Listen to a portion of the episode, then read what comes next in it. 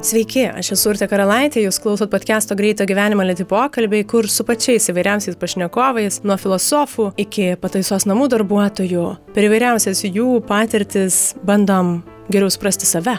Jei podcast'ą užklydot pirmą kartą, kviečiu paklausyti ir kitų pačių įdomiausių pokalbių, kurie išeina kas antrą trečiadienį, o visus juos rasit Spotify, iTunes 15 min klausyk, kitose programėlėse bei karalaitė.com pasvirasis brūkšnys podcastas. Nors įrašų studija jau veikia ir podcastas pamažu grįžta jau į savo vėžes, šį kartą esu joje dar viena, nes mano pašnekovas šiuo metu yra toli nuo sostinės pajūryje. Tai džiaugiuosi, kad karantinas sulaužė mano tabu kalbėtis nuotoliniu būdu, bet jau iš tiesų kaip šventės laukiu pirmo gyvo pašnekovo kėdėje priešai save, tikrų akių, gyvos, kūno kalbos. Šį kartą ramina ir džiugina tai, kad šiandienos podcast'o svečias tikriausiai yra vienas dėkingiausių pašnekovų pokalbiui nuotoliniu būdu.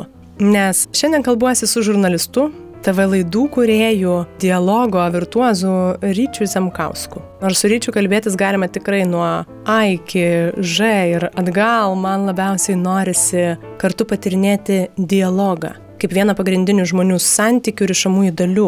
Bet be abejo mes nuklystam į kitas pačias įvairiausias temas, kurias tuoj pat išgirsite. O už galimybę kurti tokius dialogus ir nemokamai dalintis jais su visais, turime dėkoti visam būriui podcast'o remėjų. Šįkart prie podcast'o Patreon draugų prisijungė klausytojai Indrė Gedraitytė ir Vytautas Taparauskas. Jei ir jūs norit prisidėti prie vertingų pokalbių kūrimo, tai galite padaryti skirdami kasmėnesinę sumą patreon.com pasvirasis brūkšnys lėti pokalbiai.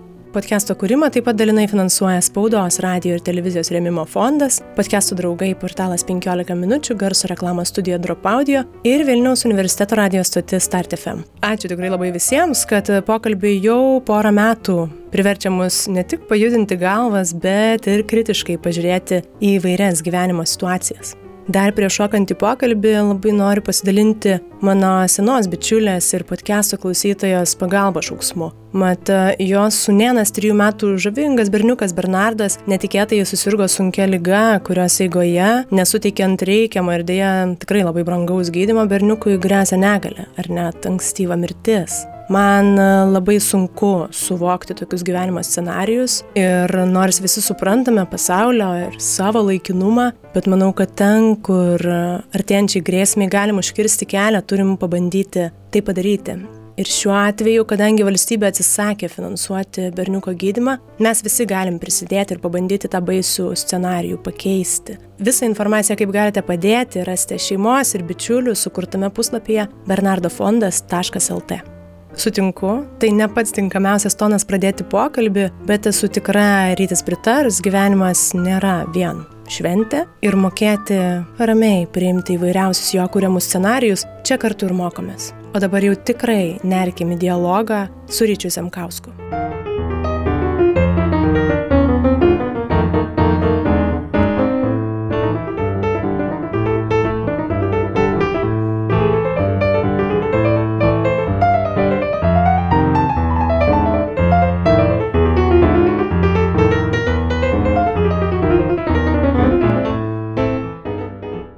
Jūs tikrai esate dialogo žmogus, nesuklysiu turbūt taip sakydama.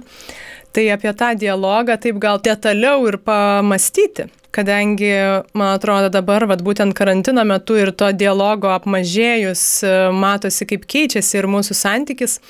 Man įdomu, jūs pats ir kalbinat labai daug, bet jūs ir einat kalbėtis. Džiaugiuosi labai, kad sutikot ir čia prisijungti. Kuo jums skiriasi šitie dialogai ir ką atneša tos skirtingos rolės jums kalbintojo ir va šiuo atveju jūs kitoje pusėje tarsi atsidurėt? Man praverčia dėstant studentams interviu meną, nes tada aš žinau, kaip jaučiasi pašnekovas, galiu analizuoti ir pašnekovą, ir klausinėtoją. Tai praverčia, pavadinkim taip, jeigu taip griežtai kalbant, akademiniai veikloj, nes aš esu dar ir interviu teoretikas šioks toks o šalia to tai yra didelis džiaugsmas nes yra labai labai įdomu. Yra įdomu būti ir vienoj ir kitoj pusėj. Man patinka. Aš laikau kad tai yra mano tokia labai man pasisekusi patirtis. Abi roles išbandyti? Taip. Gerai, o kalbintojo, tai be abejo, kad tai yra jūsų darbas, bet aš kaip suprantu, tai nėra tik tai prievalė ir jūs e, ten irgi gaunate ir pačiam savo kaip asmenybei daug turbūt. Tai neišvengiamai, jeigu tu kalbėdamasi su žmogum nieko savo negauni, tai turbūt nereikia kalbėtis tau. Čia labai, labai gera mintis, tikrai kalbėti dėl kalbėjimo. Teoriškai galima, gali kas nors to paruošti klausimus, arba tu juos gali nusirašyti nuo ko nors.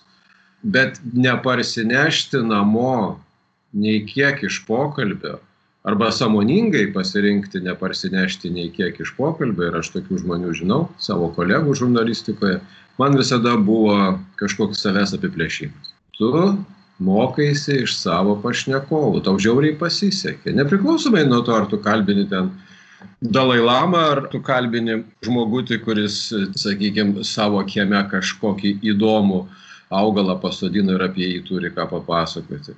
Tai šitie žmonės visiškai neišvengiamai yra tavo mokytojai. Tai jeigu tu sugebi taip juos pasižiūrėti, tai tu tada pamažu tobulėjai kaip asmenybė. Bet tiek daug informacijos gaudamas būtent iš žmonių, aš irgi įsivaizduoju, galbūt e, daug kas tampa girdėta. Ir visgi norisi galbūt kažko naujo, kaip e, su tuo tam tikrų nuoboduliu bendravime ar, ar informacijos rautuose jums sekasi. Kol žmogus turi dešimt pirštų, dvi akis, dažniausiai laimingais atvejais.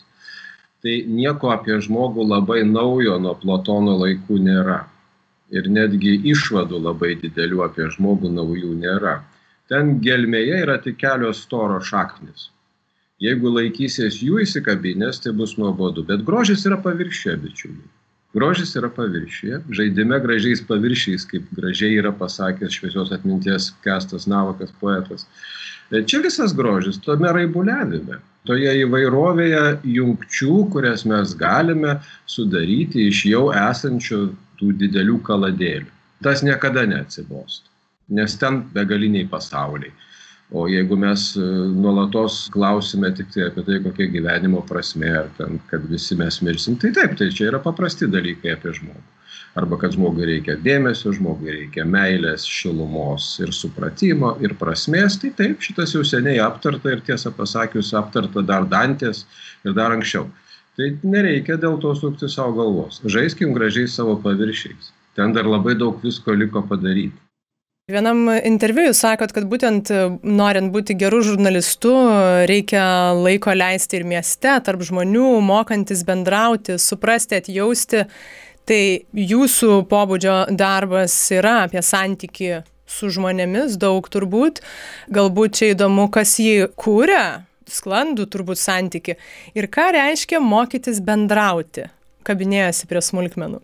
Norint, kad tavo pašnekovai būtų įdomus, tu pats turi būti įdomus pašnekovas. Norint padaryti gerą interviu, tu turi norėti padaryti gerą interviu. Labai, labai norėti padaryti gerą interviu. Štai būtinos sąlygos dvi, be kurių nieko nebus. Vadinasi, kad žmogus tami kalbėtųsi ir kažkas ten atsirastų, tu turi pirmiausia su savim dirbti, tu turi tik tai save, daugiau nieko. Ir netgi tavasis aš nuo tavęs ne visas priklauso, tai ką kalbėti apie visą kitą. Bet tu savoju aš tai turi ką paveikti. Ir kiekvieną mielą dieną, jeigu nori būti geras žurnalistikoje ar interviu mene, tai turi tą daryti. Čia įdomu tuomet, kaip Jūs matytumėt vertingo kažkokio tai dialogo pagrindą. Jūs minit, kad taip, kad tas kalbintojas, kuris pirmas tą deda žingsnį ar ne, jisai turi pats turėti kažkokio užsivedimo ir smalsumo. Kas dar, kas vat stovi toj bazėje? Čia du dalykai, čia klasika, čia nieko naujo neišrasi. Pirmas dalykas yra tavo pasiruošimas, ką tu sužinoji apie pašnekovą. Ir antras dalykas - tavo gebėjimas veikti vietoje. Jeigu tu remsies tik tuo, ką tu sužinojai ir jeigu tu klausi tik apie tai, ką tu paskaitėjai kitur apie žmogų, tai tu iš esmės kartosi daugiau mažiau tą patį, kas jau buvo. Jis yra iš esmės keli etapai. Tai pirmas etapas, aišku, bus pasiruošimas, kol tu pašnekovo dar nesutikai. Paskui tu jį sutinki. Ir tada jau eina nežodinė informacija, kaip pašnekovas atrodo, kaip jis kvepia, kiek spėjai pamatyti dalykų jo, tu turi būti jungęs visas savo jūslės. Kiek spėjai ko pamatyti, kokios koinės, iš kokios mašinos išlipo, kaip sureagavo į tą į tą. Iš ten kyla klausimai. Tu esi visas didelė akis, didelė, didelė akis, stebėtojas, ar ne?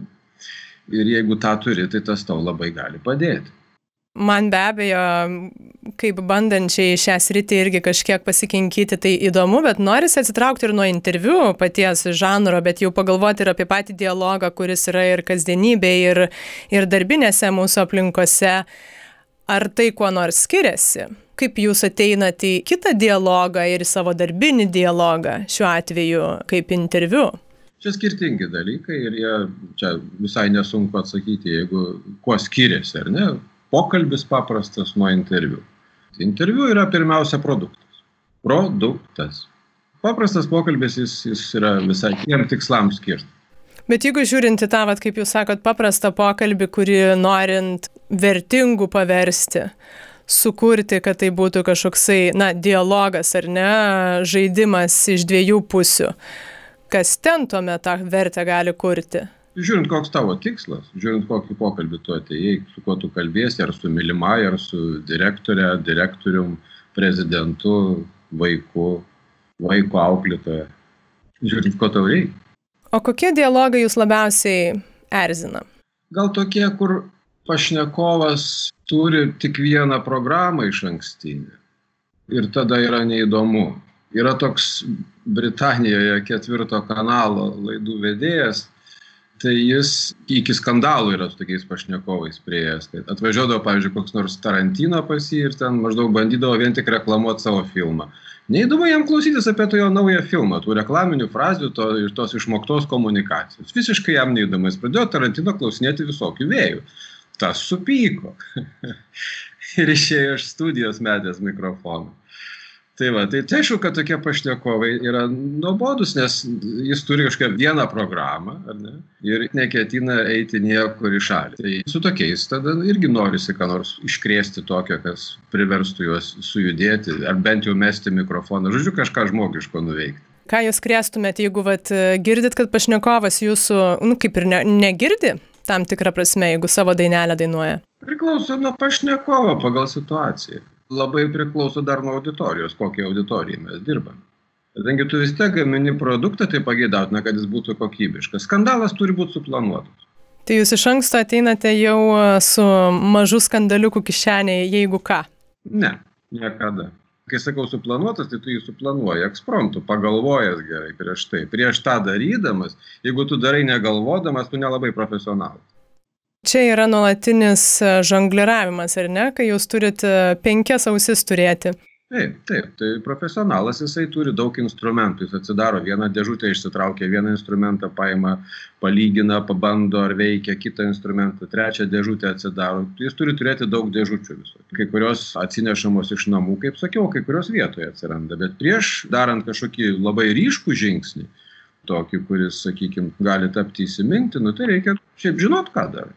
Gerai, o dabar vis tiek daugybę metų kalbinat jūs įvairiausiose renginiuose ir jau keletas laidų būtent tokio vat, interviu pagrindu pastatyta, tai to darbo su žmonėmis tikrai um, daug. Kaip tai keičia jūsų santyki su bendruomenė, su, su kitu žmogumi ir savimi gal, dėmesiu savo? Pirmiausia, tu sužinai, kad žmonės yra labai geri ir protingi tai pirmas dalykas kurį tu sužinai ir kurį tu vis labiau pasitvirtini. Dar tu sužinai kad žmonės labai panašūs. Niekas nepasikeitė nuo labai senų laikų mes tebesam tokie patys. Dar tu sužinai kaip daug tu nežinai koks tu dar esi kvailas. Ir tavo kvailybė tau kasdien bado akis. Tai va tie pagrindiniai dalykai. Jūs paminėt tą vat, būtent santykių su savimi, galvojant tada apie dialogus su savimi, jau vat nėra to kito žmogaus, visgi mes jų nemažai turime turbūt irgi. Kaip Jums atrodo, kokie yra sunkiausi dialogai su savimi? Pirmiausia, interviu gimsta kaip dialogas su savimi tam tikrą prasme. Čia interviu prigimtis, giluminė šaknis, kalbėjimas su savimi. Jeigu nėra tikro pašnekovo, tai reikia įsivaizduojama, mes socialios būtybės, tai kai nėra tikro sociumo partnerio, tai mes jį bent jau save padaliname į porą partnerių ir jie tada tarpusavį pasišneka. Tai yra nekarta išbandyta ir literatūroje, nors Markas Aurelijus ar kas nors maždaug rašė. Mintis pačiam savo, ar ne? Mes tą labai, labai nuo senų laikų praktikuojam. Mūsų literatūra tuo paremta vienas bus žiniukas, kitas nežiniukas. Šerlokas Holmsas ir daktaras Watsonas, pavyzdžiui. Be, be, be Watsono nebūtų Holmso. Tai tas klausinėtas atsakinėja. Taip? Tai čia mūsų mąstymo būdas. Interviu yra kaip mąstymo metodas. Bet to atsitraukimo ir to pažiūrėjimo vat, kitomis akimis uh, savo tuose vidiniuose jau turbūt kartais pritrūksta. Vat, kas gali užsibuksuoti ten, vat, galvojant apie tos keblumus, kur, kur nebesisuka tas vertingas dialogas su savimi? Kas yra vertingas, yra įdomus klausimas. Vienam vienas vertingas, kitam kitas vertingas. Nėra tokia daiktų kaip absoliuti vertybė, išskyrus gyvybę. Mes turime gauti informaciją iš šalies Jeigu tave apriboti visiškai, tu negausi informacijos, tu labai ilgai vidaus degimo variklių nesilaikysi. Jūs turite omeny, kad pats iš savęs žmogus ilgai nedega. Ilgai nedegs. Be knygų, be šitokių dalykų. Nėra įtakos, prasme įtekėjimo jokios informacijos. Tai be jokios abejonės, kad tas vidaus degimo variklis ilgai gali ir netempti. Čia apie tam tikrus mainus turbūt galima galvoti, bet apie tos informacijos mainus ir be abejo ir emocijų ir įvairių patirčių. Čia gal galima pažiūrėti tuomet, va, štai karantinas mums smarkiai apribojo tuos mainus, be abejo, jūs minit knygas ir internetas tikrai kada jau kada dabar labai daug padeda, bet fizinės ir emocinės atskirties tikrai nemažai, ypač tiem, kurie gyvena vieni kaip manot kas labiausiai žmogų baugina vat e, taip per prievartą atitraukus juos nuo bendruomenės tinklo ryšio Čia įvairiai galima pažiūrėti. Pirmiausia, tai aš pažiūrėčiau iš pozityviosios pusės, aš pasakyčiau, kad nukrito daug tuščių plepalų. Mes labai įdomiai veikiame. Mes kartais savo apibendrinimus bandome paremti kraštutiniais pavyzdžiais. Mes sakom, mūsų bendravimas buvo labai apribotas. Pažiūrėkite į vienišus žmonės, bet tokių mažuma. Taigi jie nėra joks įrodymas mūsų apibendrinimui, tai yra išimtis iš taisyklės. Neremkime taisyklės išimtimi. Mes labai dažnai darom šitą loginę klaidą. Didžioji dauguma bendravo puikiai. Internetas, knygos ir dar šalia pilni namai žmonių, nuo kurių jie su džiaugsmu būtų atsiriboję, bet nebuvo ko. Tai čia didžioji dauguma. Atskirais atvejais taip, iš tikrųjų žmonėms buvo ir tebėra sunku. Bet nepamirškime, kad tiems žmonėms šiaip jau yra sunku ir atviroje visuomenėje, kur nėra jokio karantino. Tokių žmonių atmesti negalima, apie juos turime pasirūpinti, kiek tai įmanoma, bet jie negali tapti taisyklę. Ir pagal juos daryti išvadas apie visą visuomenę būtų klaida. Be abejo, visiškai sutinku, tik aš tada dar galvoju, vat, ne apie tokius vienas su vienu galbūt bendravimus, kurių be abejo ir skambučių, ir net ir kavos susitikus tikrai nebuvo tiek apribota, bet e, tam tikro bendruomenės tinklo pairimą, kad to vat, tinklo nebėra, kad mes esam vienas su vienu, kad nėra visumos. Ar jūs matote čia skirtumą? Čia reiktų dar patikrinti. Labai atsargiai reikia su bet kokiomis išvadomis apie tai, kas vyksta šiandien su pandemija. O to, kad tai yra per arti ir mes dar neturim aiškių žinių. Mes net apie patį virusą nelabai ką žinom. Jeigu taip iš tikrųjų labai griežtai pasakyti, tai tikrai informacijos tarsi labai daug, ar ne? Bet mes, mes mažai apie jį žinom. Todėl reikia, kad laikas praeitų. Ir tada mes žinosime galbūt daugiau. Kol kas empiriškai man atrodo, kad Taip, tam tikri pairimai galėjo būti, reikia gerai pagalvoti, ypatingai funkcijų susijusių su net ne žodžiais reiškiamais dalykais. Nu, toks buvimas netoli, va, kaip mes užsimenam tas pasėdėjimas kavinėse ar į klubą nuėjimas, kas tą praktikuoja, tiesiog buvimas tam tikroje erdvėje. Tai šito galėjo pritrūkti. Ne? Ir, ir be to tas erdvių įvairovė šiokia tokia, jinai vis sumažėjo, nes liko namai parduotuvė maždaug. Karantino atveju tai namai parduotuvė, namai parduotuvė. Daugiau mažiau taip. Bet aišku, yra, buvo ir miškas ir niekas nedraudė tą mišką važiuoti bet tam tikrų žmonių susibūrimo vietų taip, tada reikia žiūrėti, koks procentas visuomenės ką veikia, kiek tai buvo svarbu, kaip tai paveikė. Čia, čia labai, labai atsargiai, nes kartais tokie dalykai atrodo iš pirmo žvilgsnio empiriškai vienaip, o paskui, kai pasigilina m, statistikos mokslas ar sociologijos, tada paaiškė, kad gali ir kitaip būti. Mažai žinom dar. Gerai, o kaip jūs iš savo patirties tada nežiūrėti ir neapibendrinti, kaip jūs ir sakot, to, ko negalime, bet jūsų pasirinkimas buvo šiek tiek ir atsiskirti, aš suprantu, karantino metu, kadangi esate ir atsitraukęs nuo didmeščių. Kaip jūsų patirtyje tuo metas atsiribojimas kažkoksai tai, to tinklo atitolimas ar ne? Kaip jūs čia jaučiatės šituose procesuose? Aš esu blogas pavyzdys, todėl aš negaliu nieko apibendrinti pagal save. Iš šiaip apibendrinti labai blogai yra. Ir geriau to nedaryti. Aš blogas pavyzdys todėl, kad man ir taip gerai buvo. Man, man tas karantinas nieko visai nepakeitė. Ir aš labai džiaugiausi, kai jis atsirado, nes e, pusė įsipareigojimų, kuriuo aš buvau prisėmęs ir kurių, nuo kurių vos neuždusau, man staiga nebereikėjo daryti. Ir aš staiga nekaltas dėl to visiškai. Tai buvo žiauriai gerai. Buvo tiesiog šventė. Ir aš galiu eiti pajūriu ir, ir, ir nieko nedaryti. Ir niekas už tai man per galvą neduos. Nesakys, kad o tu žadėjai, o tu sakėjai. O ten buvo skrydžiai kas antrą savaitę suplanuoti, konferencijos, susitikimai, viešos paskaitos. Taiga nieko nebereikia. Kokia laimė. Tai matot, čia mano liūdėjimas. Taip, kitas žmogus papasakotų kokią nors labai liūdną istoriją ir, ir lygiai, taip pat, lygiai taip pat būtų visai teisus. Čia įdomu, kad jūs sakot, kad jūs tarsi karantinas išgelbėjo nuo tų įsipareigojimų ir kas trukdė jums pačiam gal suvaldyti tuos ir srautus ir, na, čia dažnas klausimas, kai yra per daug veiklos, per daug darbų, o vat pasirodo, kad jūs norėjote tik tai prie jūros vaikščioti. Tu sužinai apie save dalykus, taip? Tu sužinai, ko tu iš tiesų nori, kas tau iš tiesų patinka. Už tai aš ir sakau, kad ačiū Dievui už karantiną. Čia mano, bet pabrėžiu, mano atveju. Nereikėtų to iškelti į antraštę, kuri reikštų, kad maždaug vaisai sako, tai ir jūs tuo tikėkit. Ne, nes kažkam kitam tai labai negerai. Karantinas geras mokytojas vis tiek. Va šitą galima apibendrinti kažkiek tai. Geras mokytojas ir visuomeniai. Ir, ir tai yra labai nepiktas mokytojas. Tiesa, tai ne karas.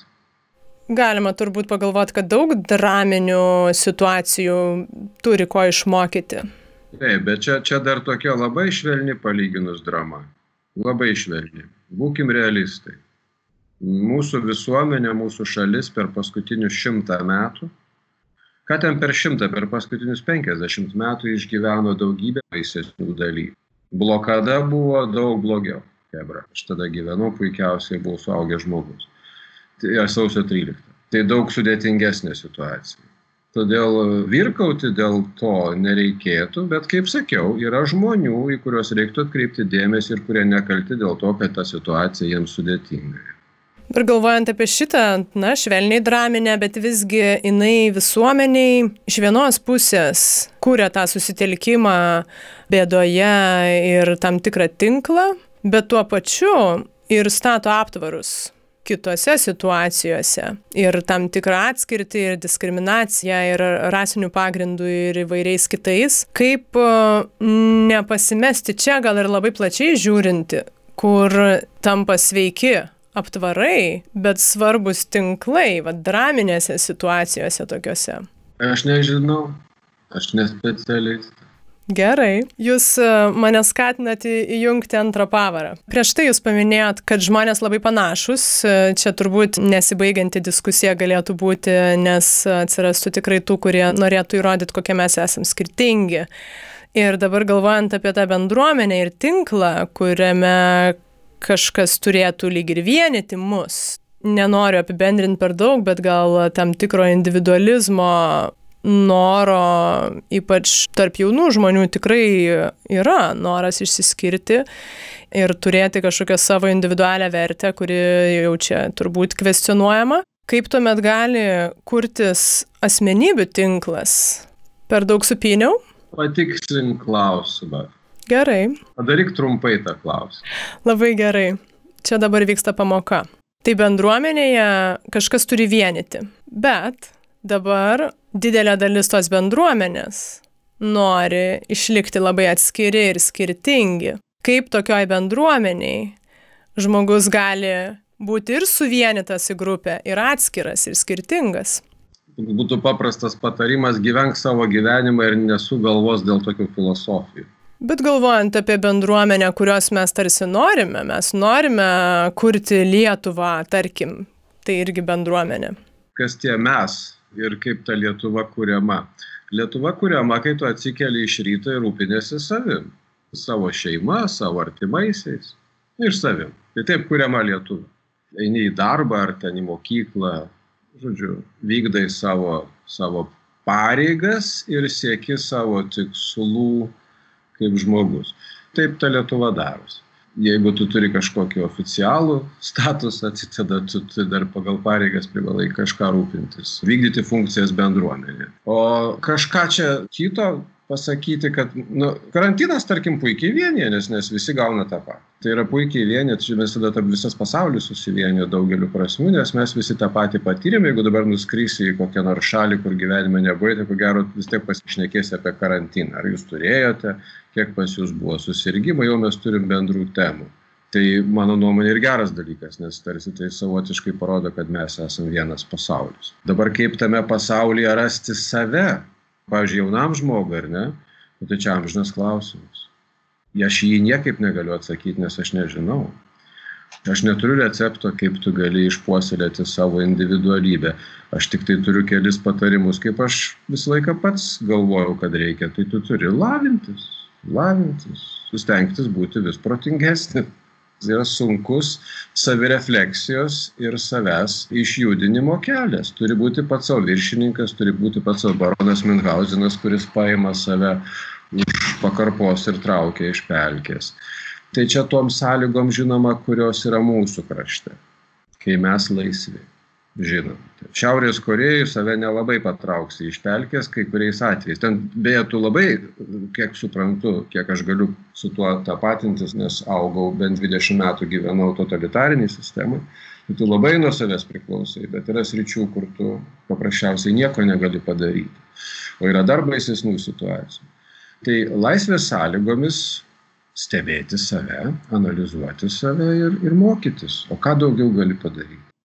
Dar įdomi jūsų mintis ir jinai ir dabar turbūt atsikartoja karantino metu daugeliu mūsų, kad mes negalim gyventi neapibrieštume ir kad žmogui galbūt tai baisiausia yra. Todėl matom įvairiausių ir tabų, ir rėmų, ir, ir norime jų paisyti, bet tuo pačiu čia jau aš supriešinu kad norint e, turtinti save ir savo gyvenimą tarsi reikėtų kuo plačiau mąstyti, žiūrėti, stebėti vat, už tų rėmų, kurių tarsi instinktyviai mes norim paisyti.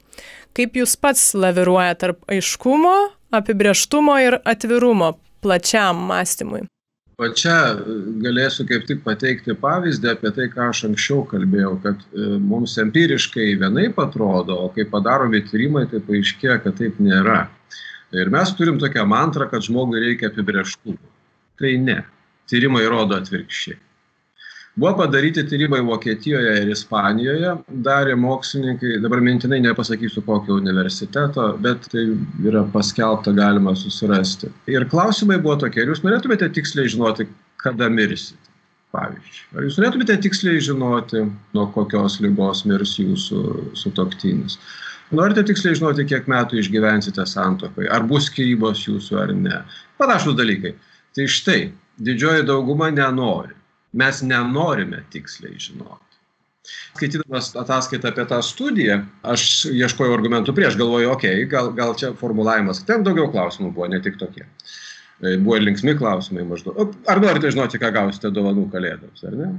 tai tikrai nenorim, taip? Bet aš tą e, skaitydamas galvoju, gerai, gal čia kažkokios yra fundamentalios klaidos formuluojant klausimus, gimęs pas būrėjas žmonės, tai vaikšto pas būrėjus, taip? Bet tada aš galvoju, kad greičiausiai pas būrėjus tam ir vaikšto, kad žino, kad čia toks truputį žaidimas. Ir mes taip su savimi gudraujame. Mes iš tikro nenorime labai griežto apibrieštumo, nes griežtas apibrieštumas atima iš mūsų pasirinkimą. Ir mes iš tikrųjų bijome griežto apibrieštumo, nes griežtas apibrieštumas atima iš mūsų gyvenimo džiaugsmą kai sako, kad reikia į save įsileisti daugiau neapibrieštumo, tai mano nuomonė gerai sako. Truputį daugiau pasitikėjimo ateitimi, nežinant iki galo, kaip tai veikia. Man regis, kad tai labai labai žmogiška. Tai ar jums lygiai taip pat tuomet būtų, ar jūsų vat, paklausus panašių tokių klausimų, ar net ir jeigu būrėja prišoktų ir norėtų jums viską atskleisti, kas kaip bus, kaip jūs tuomet rinktumėtės? Aš nežinau, įvairiais, įvairiai būtų, aš tai, kas man svarbu, ką aš esu apmastęs, tai turbūt aš norėčiau gauti tikslo atsakymą, o ką aš nesu apmastęs ir kam nesu pasiruošęs išgirsti tikslaus atsakymo, aš gal nenorėčiau. Nu, taip, tok būtų pirmas, pirma mano reakcija. Ką norėtume tiksliai sužinoti? Aš norėčiau tiksliai sužinoti, yra pomirtinis gyvenimas. Čia įdomu, vat, ar jums pakaktų tikėjimo, kurį kažkoksai tai atstovas, nežinau, šamanų kultūros ar būrėja jums tiksliai pasakytų? Ar būtų kas nors, kokia institucija, kuri turėtų tikrą atsakymą. Mes dabar nekalbam apie, apie žmogaus žaidimus. Aš taip galvoju, kad žmogus kartais yra labai patiklus, nuo tuo pačiu metu ir ne, kaip jūs sakot, kad mokslininkai ištyrė ir jau mes linkę labiau tikėti, negu eidami pas būrėjas. Tie mokslininkai, kurie tą tyrė, turint omeny tą situaciją, kurią jie ištyrė. Vėlgi, aš sakiau, Ispanijoje ir, ir Vokietijoje 900 respondentų. Kai tokius pradeda dalykus sakyti, visi tai, tai čia tada niekas neaišku, va čia yra tikras mokslas tikras mokslas neduoda jokių griežtų atsakymų, jis gali tik pasakyti, šią akimirką mes žinome va, apie tai, va tą ir va, maždaug tiek ir tai dar iki galo nežinome. Tai čia tikras mokslas.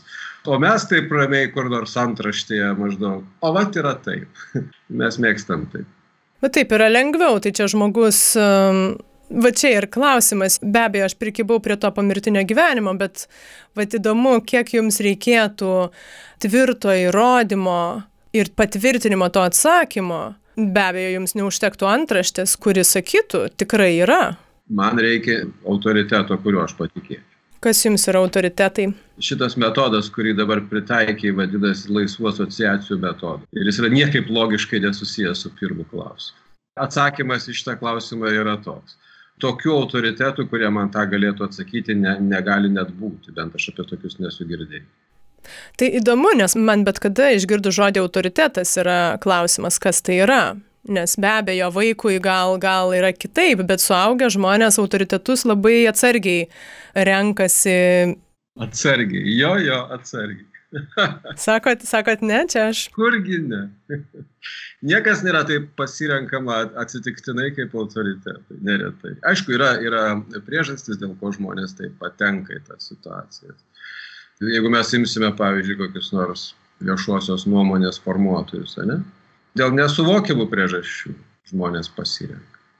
Mes negalim sakyti, kad mūsų pasirinkimai racionalūs, kadangi žmogus neracionalus, neracionali būtybė. Prieš paskutiniam pokalbį, man atrodo, su, su profesoriumi Reinraud kalbėjom ir, ir čia vat įdomu, kaip jūs pažiūrėsite į jo mintį, kad jisai sako, kad mes pasitikim tuo, ką norim girdėti. Taip, Reinas labai protingas žmogus ir jis teisingai sako šitą. Tai, tai yra visai emociniai dalykai. Mums, mums atliepia į mūsų, pavyzdžiui, kad ir nuoskauda kokia. Mesgi pamirštam taikyti savo tokius e, pratimus, kurie sakytų pavyzdžiui, kad net jeigu aš su tuo žmogum sutinku, tai taip sakyti negalima. Kas nors viešai metė kokį nors ten kaltinimą, taip kam nors. Jo, tyliai aš manau, kad teisingai, šiaip gerai, jo. Bet aš turėčiau šalia to suprasti, kad taip sakyti negalima. Jis negali iš viso mesti tokio kaltinimo, toks negali nuskambėti, pavyzdžiui. Tai, tai mes taip veikiam, taip. Mes labai netobuli ne, ne esame. Ir tai yra džiaugsmas, čia iš čia visa poezija kyla ir iš čia mūsų ir, ir vargai. Dar truputį tada noriu parbėgti prie žurnalisto darbo, kuriame tai be abejo smalsumas ir daugybė klausimų. Tai žurnalisto darbe matyčiau tokį nuolatinį klausimą, kodėl tai, kas tave varo pirmin. Klausimas, ar sutiksi, tai turbūt vienas sudėtingiausių klausimų, į kurį dažnai nėra iš vis atsakymų tikslių, Čia įdomu, kaip tuose paieškose neprarasti sveiko proto ir e, suvaldyti tokius kiekius informacijos ieškant atsakymų, kurie nebūtinai yra tikslus. Šviesios atminties Romas Akadolskis, kuris mano autoritetas didžiulis. Tai jis ir tą patį ir sakydavo, kad žurnalisto klausimas pagrindinis yra kodėl, bet ne, ne tai reiškia jisai, kad tu turi gauti atsakymą į tą klausimą, bet tu turi eiti tuo keliu čia yra svarbu. Reikia suprasti kad tu tik pradedi eiti tuo keliu paeini tuo keliu kiek įmanoma toliau. Ir tai ir yra žurnalistika. Aiškiai papasakodamas ką tu sužinojai ir būdamas maksimaliai nuoširdus. Čia yra labai svarbu. Tai tu klausi kodėl tau kažką atsakė ir tu praneši kad man taip atsakė. Aš tą girdėjau. Jeigu jau būsi visai tikslus tai turi pasakyt kad man pasirodė kad aš tą girdėjau Čia yra kelias. Mes, mes pilni paradoksų. Mes tarsi žinom, kad nėra galutinio atsakymų, bet reikalaujam, kad mums juos duotų. O čia kaip ir su tais hipotetiniais klausimais apie štai ką bandė mokslininkai išsiaiškinti. Mes tarsi žinom, kad niekas mums neatsakys į tai. Nėra kas taip atsakytų. Nėra tokios instancijos, kuri galėtų mums tiksliai nurodyti ten tam tikrus dalykus apie mus, bet mes vis tiek kartais to norime. Ir dar juokingiau būna, kai mes reikalaujame iš kitų, kad jie tą padarytų, ko mes patys negalim padaryti. Čia normalu. Nu, normalu. Žmogus yra šiaip, nu, jis toks yra, jis veidmainis yra. Ir, ir, ir, ir mes esame veidmainiai daugiausia, nes taip patogiau. O kodėl? Kuo veidmainystė patogiau, kokiose situacijose jūs tai matot? Visose situacijose patogiau veidmainystė. Aš iki šiandien dar galvojau, kad gal nuoširdumas mus visus išgelbės, bet... Uh... Mus išgelbės veidmainystė. Jeigu išsiplėsit, aš bent žinočiau, kur link man sukti. Mes gyvenam pasaulyje, kuris pastatytas ant nutilėjimų. Visa istorija žmonijos pastatyta ant patogios tiesos ieškojimo. Bet čia jūs kalbat vėl tada grįžtant prie to paties dialogo, kuriame vis yra kažkas nutylima tuomet. Tai be abejo, tai sakau, dialogas čia mažai padėtas. Mes gyvename, mūsų politika yra, yra nutilėjimai, mažų mažiausiai nesakymai. Čia sažiningos politikos požiūris, kai ko nors nesako, kai meluoja, tai čia yra jau, mes sakom, kad čia jau ir, net ir nebesažininga politika.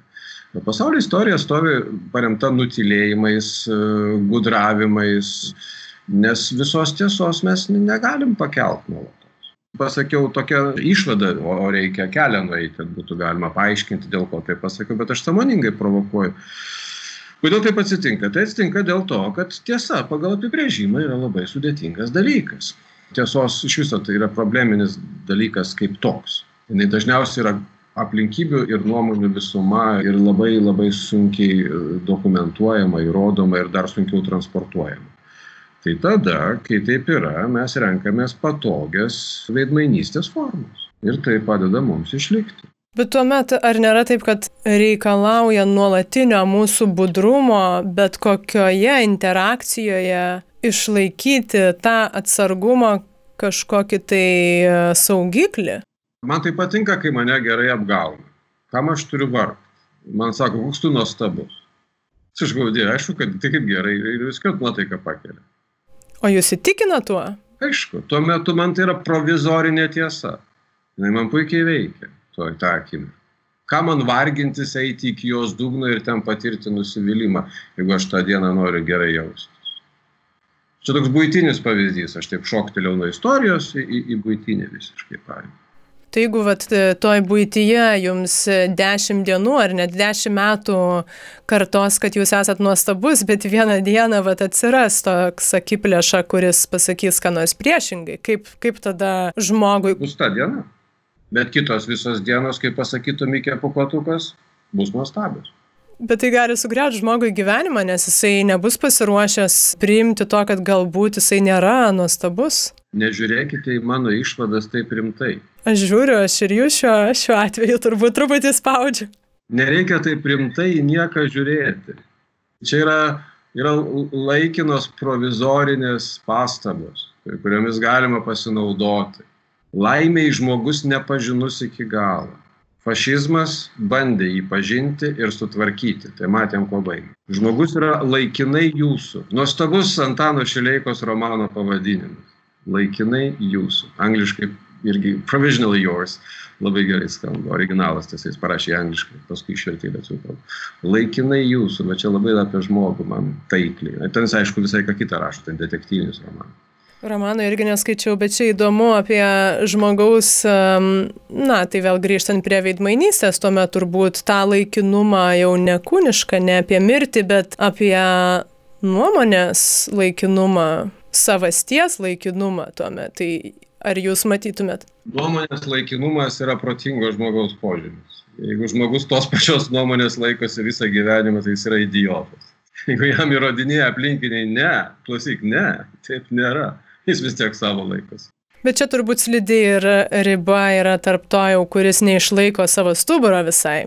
Oi daug slidžių ribų gyvenime. Tai kaip tada nepaslysti? Čia yra gyvenimas. Visada paslyskite. Tam jis ir yra. Apsaugok Dievę norėti nepaslysti, norėti neužsigauti, norėti apsisaugoti, norėti garantijų. Apsaugok Dievę nuo šito. Taip gimsta fašizmas, taip gimsta neurozės klaikius. Norisi paslysti kas antrą kartą, riboti. Gerai, tai visai pabaigai, nekankinti jūsų per daug hipotetiniais pamastymais. Kokio žanro filmas būtų apie jūs ir apie ką jisai būtų? Jeigu reikėtų jums scenarijų rašyti dabar? Apie mane? Taip. Pornografinė tragikomedija. Jau neblogai. O jos pabaiga? Pabaiga visų vienoda. Andžius Vaida yra sakęs, jeigu filme nėra lavono, nafik toks filmas.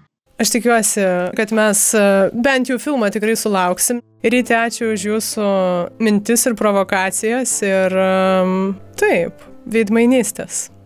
Skamba žiauriai. Bet buvo įdomu. Niekas nežadėjo, kad bus lengva. Ne, ne, lengva mes ir nesitikėjom be abejo.